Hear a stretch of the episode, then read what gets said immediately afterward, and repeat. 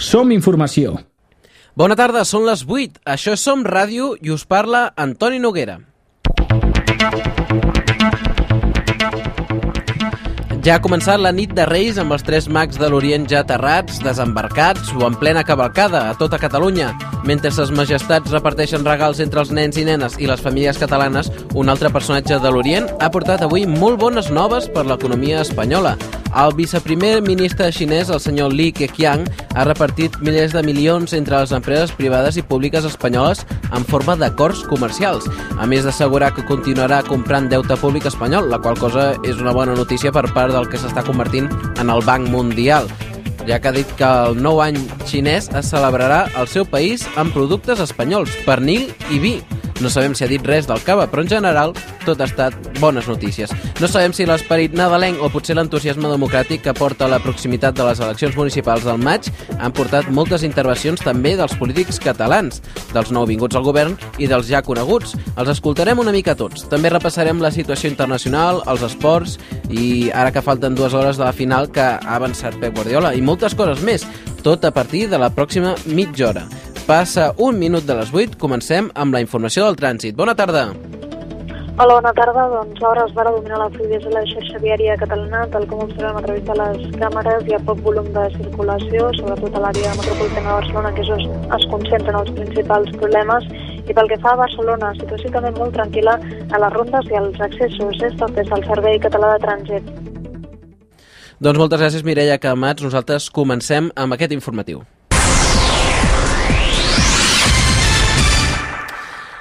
Ses majestats els tres reis d'Orient ja han fet la cavalcada protocolària des de la, de la nit de Reis a les diferents poblacions catalanes i a hores d'ara ja es comencen a preparar per repartir els regals de tots els nens i nenes catalans al llarg de tota la nit. Per terra, mar i aire, Melchior, Gaspar i Baltasar han arribat arreu, han repartit més de 40 tones de carmels a tot Catalunya i han portat la il·lusió a cada casa. A Barcelona els reis han arribat al moll de la fusta i han acabat a la font màgica de Montjuïc. A Lleida, ses majestats han estrenat l'aeroport del Guaire, a Girona han sortit dels jardins fora muralla i a Tarragona han arribat fins al moll de Costa. De fet, ara mateix hi són fent parlaments, com podem veure en la retransmissió de TV3. I després de la cavalcata d'aquesta nit, demà tornarà, a to tocarà celebrar el Dia de Reis i un dels elements més típics d'aquest dia és, sens dubte, el tradicional tortell. Tot i la crisi, el Gremi de Pastissers de Catalunya no espera una caiguda de les ventes i pronostica que vendran uns 850.000 tortells de Reis, tenint en compte que és una tradició molt arrelada. De fet, es calcula que cada família es gasti entre 18 i 35 euros a la pastisseria. I comencem ara amb la informació que seria més tradicional. La Xina ha donat avui la seva mà estesa a Espanya i a la seva economia. El viceprimer ministre xinès, com dèiem, Li Keqiang, ha continuat la seva visita a l'estat espanyol i en la segona jornada oficial a l'estat ha mantingut trobades amb el president del govern espanyol, la ministra d'Afers Exteriors, el ministre d'Indústria, el rei i l'èlit econòmica de l'estat. Aquest matí però el representant xinès ja ha esmorzat amb un grup rellevant d'empresaris acompanyat del ministre d'Indústria, Miguel Sebastián, un esmorzar que ha organitzat la COE, l'ICEX i el Consell Superior de Cambres de Comerç. Es tractava d'establir aliances entre empreses espanyoles i xineses per abordar negocis conjunts i per les reaccions dels assistents ha estat un esmorzar molt profitós. Escoltem a Antoni Brufau, director de Repsol, als micròfons de Televisió de Catalunya. Jo crec que ha sigut molt positiu, molta voluntat de col·laboració, un gran mercat, un gran mercat turístic aquí i allà eh, i un gran mercat per a totes les empreses que vulguin establir-se a Xina. Poc després d'aquest esmorzar ha estat el president del govern espanyol, José Luis Rodríguez Zapatero, el que ha rebut el viceprimer ministre xinès a la Moncloa, on han signat un conjunt de convenis econòmics. La visita de la mà dreta del president de la Xina ha despertat grans esperances al sector econòmic, després que el gegant asiàtic fes saber que tenia intenció de seguir comprant deute espanyol. De fet, ha comprat ja gran part del deute mundial, del qual en posseix al voltant del 17% del total. La visita de Li Keqiang ha servit, entre d'altres coses, per ratificar 16 acords i convenis d'enteniment Parlament, quatre d'ells de caràcter públic i 12 de ratificació d'operacions i convenis entre empreses privades que comporten uns 5.600 milions d'euros. Doncs tornem a Catalunya, on els pacients atesos en la sanitat pública rebran una factura amb el cost de la seva atenció. En una entrevista a TV3, el conseller de la cartera de Salut, Boi Ruiz, ha anunciat que a partir d'ara es lliurarà una factura del cost de l'atenció sanitària oferida als usuaris de la sanitat pública. I d'aquesta manera, la intenció del Departament de Salut és que la població i, sobretot, els usuaris dels serveis públics prenguin consciència del cost real de l'atenció rebuda i facin un bon ús de la sanitat pública veure què costa una primera visita quan està en un hospital, de saber què costa una visita d'urgència, de saber què costa una visita a la primària i de saber què costa en el moment que surt d'alta de l'hospital el tractament que ha rebut. I per tant aquesta informació crec que ha de crear consciència sobre tot allò que rebem per 1.200 euros al any. I per tant l'esforç que està fent el sistema, els professionals i tothom per donar-li aquest servei i garantir-li. Boi Ruiz també ha dit que es revisaran les inversions projectades per l'anterior govern i la construcció de nous centres per reduir despesa. El nou conseller de Salut, tot i que ha garantit que la sanitat pública mantindrà el catàleg de prestacions que ofereix actualment, ha reconegut que no s'oferiran a tots els centres perquè els serveis de cada hospital i cada ambulatori es reorganitzaran. Millor un servei que rebíem a prop l'ha de rebre una miqueta més lluny estem parlant de que utilitzi el eh, nivell de resolució del seu problema més adequat, no aquell que per comoditat li pugui ser més ràpid. Eh, estem parlant d'això. El titular del Departament de Salut pretén gestionar els centres de salut pública amb criteris de l'àmbit privat. També ha dit que vol aprofitar els centres privats abans de construir nous hospitals públics. Sobre el copagament, que Boi Ruiz va defensar abans de ser conseller, ha assegurat, ha assegurat que no se'n desdiu del que ha declarat sempre, però ha argumentat que aquesta mesura no és aplicable ara mateix perquè cauria sobre de gent que està molt tocada i que ho està passant molt malament. El nou conseller de Territori i Sostenibilitat, Lluís Recoder, ha amenaçat aquest matí a portar el president espanyol José Luis Rodríguez Zapatero davant del Tribunal Constitucional. És una, en una entrevista a Catalunya Ràdio, Recoder ha recordat al govern central que, segons l'Estatut, té l'obligació amb la Generalitat d'invertir més de 900 milions d'euros en infraestructures, una xifra que fins ara no està pressupostada i que, si no s'estableix, podria dur el govern català a portar Zapatero a aquest Tribunal Constitucional i veiem que en el pressupost d'aquest any hi ha 900 milions a repartir, no sé, 64 o 5 eh, comunitats autònomes i nosaltres sols a Catalunya eh, ens en toca 960 o sigui que aquí tenim un problema de, de negociació i això no és un tema de, de que tingui més ingressos o menys no? escolti'm, el que no val és dir i ara li retalles en, el, en aquell no? escolti'm, ells tenen una obligació a complir des d'Esquerra Republicana s'ha aplaudit la voluntat de Recoder de plantar cara, però per mitjà del portaveu, Ignacio Llorente, han recordat que el Tribunal Constitucional ja va declarar que la disposició addicional tercera de l'Estatut, a què feia referència Lluís Recoder, no és vinculant i, per tant, no es pot exigir a cap govern que la compleixi. Segons Llorente, calen altres tipus de reaccions, com per exemple refer l'esperit unitari del 10J i plantejar una alternativa contundent. Durant l'entrevista mantinguda a TV3, Lluís Recoder ha centrat la seva prioritat en la millora de les línies de rodalies i regionals. Segons Recoder, els ferrocarrils de la Generalitat ja tenen un nivell de qualitat molt important i, per tant, creu que no s'haurà de centrar esforços en, en, el, en això, en ferrocarrils, sinó en els rodalies i regionals, amb, segons ha dit, recursos i molta imaginació. El nou responsable de les obres públiques de la Generalitat ha dit que el seu departament prioritzarà aquelles infraestructures que siguin un factor de sostenibilitat per al territori i ha insistit també en la necessitat que l'Estat tiri endavant les obres que té pendents a Catalunya, en especial el quart cinturó, el qual ha defensat amb un traçat més respectuós. Després una altra cosa que hem de fer és eh, que l'Estat faci les seves obres, no? I una d'elles és el quart cinturó. És una obra doncs, emblemàtica que és bàsicament competència del Ministeri de Foment i que sovint el propi Ministeri de Foment ha utilitzat doncs, els desacords a Catalunya per anar a ralentir l'obra. Bueno, en aquest govern no hi haurà desacord. O sigui, jo tinc molt clar que el quart cinturó l'hem de fer, el que passa és que tinc molt clar també que l'hem de fer d'una manera que causi el menor impacte dins del territori. Seguint l'exemple de Recoder, qui també ha parlat davant dels micròfons de Catalunya Ràdio ha estat el nou conseller de Benestar Social i Família, Josep Lluís Claries. Claries ha establert en el, com el principal dèficit a corregir per part del seu departament, els retards en l'aplicació de l'actual llei de dependència. El nou conseller del govern considera inacceptable que en dos anys encara hi hagi gent a qui no se li hagi fet el programa individual d'atenció i que un cop fet aquest, els afectats hagin d'esperar mesos i mesos a rebre els recursos que necessiten.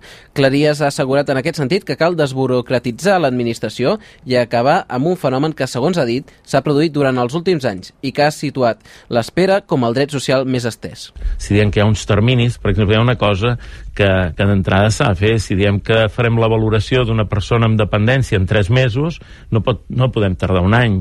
Si diem que el programa individual d'atenció a aquella persona es farà en 3 mesos més, per tant tot el procés en 6 mesos, no pot haver-hi persones que en dos anys no se li ha fet el programa individual d'atenció.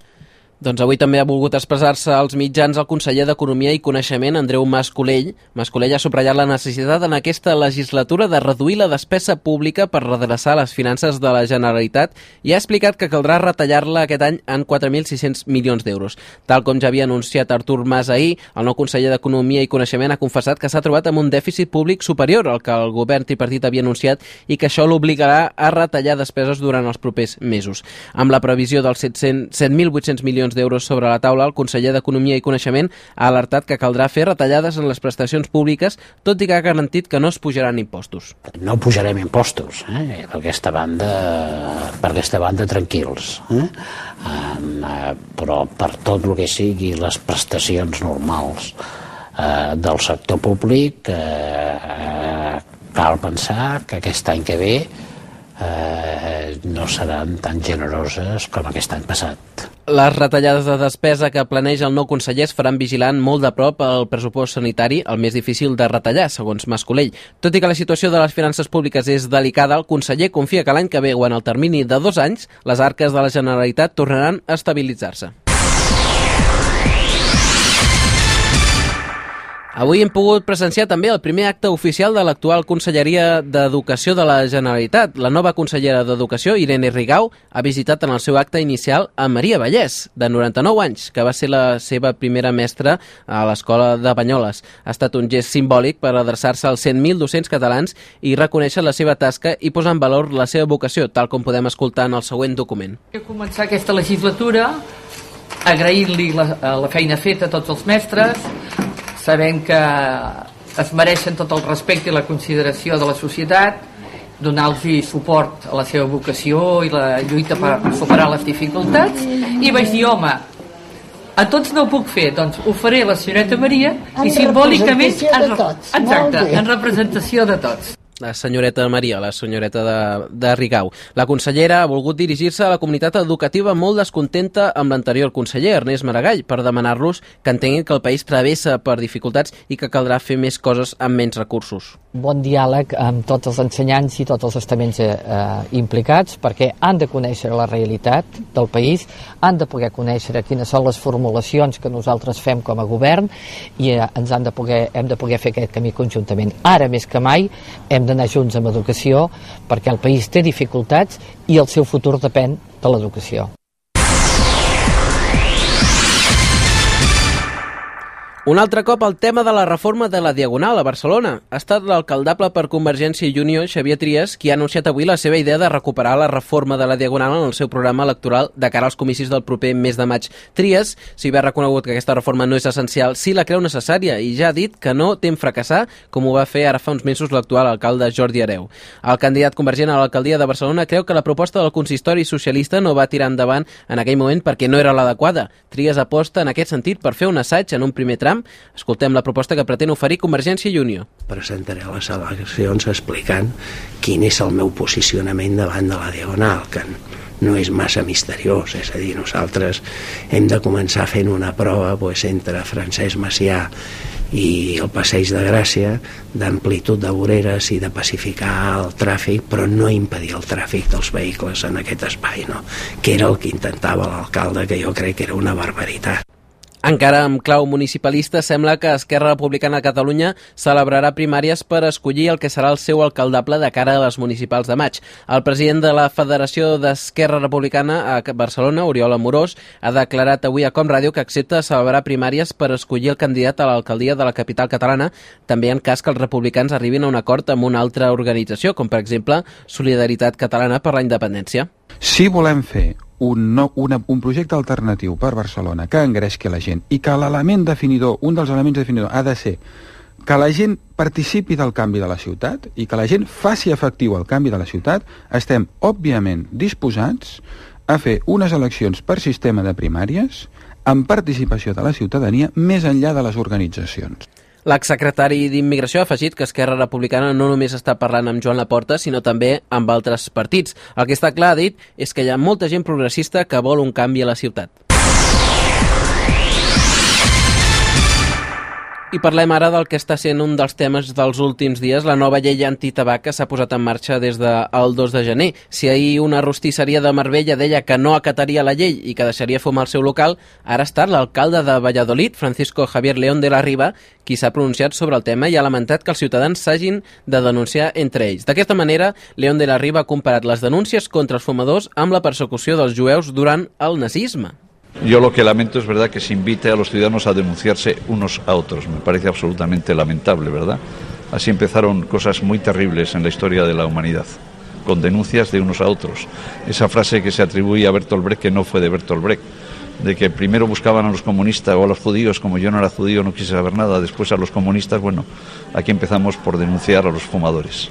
Una comparació una mica eh, estranya, com a mínim. Recordem que l'alcalde de Valladolid es va fer famós ara fa uns mesos per un seguit de comentaris masclistes sobre la ministra de Sanitat espanyola, Leire Pajín. En plana internacional, l'assassinat del governador de la província pakistanesa de Punjab ha posat de manifest com el fervor religiós pot dificultar l'estabilitat en el país, de majoria musulmana. Recordem que el polític liberal Salman Taseer, proper al president Asif Ali Zardari, va ser disparat 14 vegades aquest dimarts pel seu guardaespatlles, que suposadament estava indignat per l'oposició de Taseer a la llei de la blasfèmia. Tasser ha estat enterrat aquest dimecres en una cerimònia en la qual hi ha assistit centenars de mili militars i els màxims representants del Partit Popular pakistaní, actualment al govern. Punjab ha viscut una jornada de tensió entre detractors i defensors de la llei, que castiga aquells que critiquin l'islam. L'home acusat de l'assassinat, que duia una caputxa negra, ha estat aplaudit mentre entrava a l'edifici judicial i alguns dels seus seguidors li han llançat proclames i pètals de rosa. D'altra banda, el Congrés dels Estats Units ha estrenat avui legislatura amb majoria republicana a la Cambra de Representants. Els republicans intentaran aprofitar aquesta majoria per tal d'afablir el mandat del president Barack Obama i la prova evident està en el fet que ha programat presentar per la propera setmana una votació per anul·lar la reforma sanitària, el projecte estrella del president nord-americà, tot i que no s'espera que prosperi en el Senat. A més, segons ha avançat la revista Politico, encarregaran investigacions diverses, com ara sobre les filtracions de Wikileaks, sobre la presumpta corrupció a l'Afganistan i sobre el paper de dues agències en la crisi hipotecària. El president de Venezuela, Hugo Chávez, ha decidit vetar la nova llei d'educació que el Parlament veneçolà va ratificar el 23 de desembre passat i que ha provocat durs enfrontaments entre estudiants i les forces policials. La normativa havia estat refusada conjuntament pels acadèmics del país que l'acusen de voler implantar un pensament únic. Chávez, només 13 dies després d'aquesta aprovació d'aquesta reforma, aposta ara perquè siga una comissió nacional composada per intel·lectuals, treballadors, estudiants, rectors i obrers qui decideixi el futur de l'educació ja que, segons ha dit, l'educació és cosa de tots. Hugo Chávez ha anunciat també que finalment l'Estat no incrementarà l'impost eh, al valor afegit, l'IVA, un 12%, un 12%, tal i com va apuntar recentment. Segons el president, la mesura s'ha pogut tirar enrere gràcies a l'augment del preu del cru, que, assegura, establirà un any de creixement econòmic pel país. Després que les pluges hagin fet estralls a Austràlia, on han deixat danys catastròfics i pèrdues que sumen 3.800 milions d'euros, ara és la Xina qui pateix les conseqüències d'aquest fenomen meteorològic. En aquest cas, però, es tracta de pluges gelades torrencials que han provocat almenys un mort, l'esfondrament de més de 1.000 cases i l'evacuament de gairebé 60.000 persones al sud del país asiàtic. Tot això, dades del matí. Les previsions, les previsions meteorològiques, dèiem, alerten que les males condicions de pluja i fred poden durar encara 5 dies més. A Austràlia, les fortes pluges han negat una àrea equivalent a la mida d'Alemanya i França juntes i es comptabilitzen 200.000 persones damnificades de 22 ciutats diferents. I abans de les notícies d'esports, una de temàtica cultural, perquè avui hem sabut que els Premis Internacionals Terence i Moix canvien de data. Fins ara l'entrega d'aquests premis es celebrava el dia de Sant Jordi, el 23 d'abril, i a partir d'ara passaran el 22 de setembre, just un dia abans del dia de la Mercè. Aquest canvi també afectarà el lloc de l'entrega, ja que es deixa el Saló dels Miralls del Liceu, que l'any passat va quedar petit, i s'utilitzarà al Palau de la Música. Ana Maria Moix, escriptora, ha replicat que el canvi de data és una conseqüència de la manca de ressò mediàtic que els guardons aconseguien en un dia tan especial com Sant Jordi. Moix ha dit que s'ha buscat una altra data molt lligada a Barcelona. Aquest any ens hem trobat que el Liceu, com, que és on es feia en el Saló dels Miralls, que per altra part s'havia quedat petit, però bueno, tan, tan, tanca tota la Setmana Santa. O sigui que m'hem aprofitat per a veure com va un canvi de dades, però sempre pensant en el Terenci, sempre pensant en que té que ser una festa molt lligada a Barcelona. Aquest any també els guardons sumen un nou premi de periodisme escrit, l'única pràctica de Terenci Moix que encara no estava reconeguda amb un premi. El nou conseller de Cultura, Ferran Mascarell, ha dit que aquests són uns premis consolidats i de referència. Eh, D'allò han sortit uns premis que s'han consolidat i s'han convertit en un punt de referència. Són uns premis especialment importants. Jo crec que són els premis eh, menys dotats però més significatius eh, justament perquè estan fets des d'aquesta voluntat de la gent que feu de jurat i la gent que els impulseu doncs de posar en relleu a persones que fan coses eh, i que accepten el guardó justament perquè no té res al darrere més que la significació. Els Premis Internacionals Terenci Moix s'havien lliurat tradicionalment el dia de Sant Jordi per recordar les festes que feia l'escriptor després de signar els llibres durant tots el dia pels carrers de Barcelona. Passem ara sí als esports. El Barça jugarà d'aquí poc de, més d'una hora i mitja a Mamés el passi als quarts de final de la Copa del Rei davant l'Atlètic de Bilbao. Recordem que l'anada catalans i bascos van empatar a 0 al Camp Nou i que, per tant, l'eliminatòria està completament oberta, si bé els de Caparrós comptaran amb el suport del seu públic que ompliran aquesta ocasió la catedral en un ambient que promet ser molt apassionant. També s'ha de tenir en compte que el Barça parteix amb l'avantatge que suposa el doble valor dels gols anotats en el territori visitant en cas d'empat a gols. En tot cas, serà un partit molt disputat perquè tots dos països, tots dos, eh, tot, tots dos equips formen, doncs, són els grans competidors d'aquesta Copa del Rei, amb 25 títols cada un. A hores d'ara, és una incògnita si Guardiola presentarà aquesta nit l'11 de gala o optarà per l'equip habitual de la Copa, tot i que ahir Guardiola va confirmar José Manuel Pinto a la porteria. Un dels al·licients de la nit serà veure el joc de l'últim fitxatge blaugrana, l'holandès Ibrahim Afelai, que ha entrat en la convocatòria. L'escuderia de Fórmula 1 Ferrari va decidir ahir les primeres remodelacions de l'equip després de la catàstrofe de l'última cursa de l'any, que va permetre que Fernando Alonso perdés el títol de pilots, recordem. Ferrari ha anunciat la destitució de Chris Dyer, l'home que va decidir l'estratègia d'aquella cursa. Dyer serà substituït pel britànic Pat Fry, un enginyer procedent de McLaren que ja havia treballat amb Fernando Alonso. I continuen les bones noves que venen del Rally Dakar, que en la quarta etapa ens porta el liderat del català Marc Coma en motos. Coma ha guanyat l'etapa que connectava la localitat argentina de Jujuy amb la xilena de Calama, passant per la serralada dels Andes, a més de 5.000 metres d'altitud, i ho ha fet en 2 hores i 4 minuts. Cyril Després ha trigat 16 segons més en entrar, un marge que ha estat suficient perquè el català l'avanci a la general. En la cinquena etapa, el de 423 quilòmetres que es disputarà demà entre Calama i Quique, els pilots passaran per les primeres dunes del desert d'Atacama. Doncs fins aquí aquest informatiu, això és tot. Us agraïm haver-nos estat escoltant en Xavier Navarrete en el suport a les vies de so i un servidor, Antoni Noguera. Recordeu que la informació tornarà a Som Ràdio divendres a les 8 del matí. Que passeu una molt bona nit de Reis.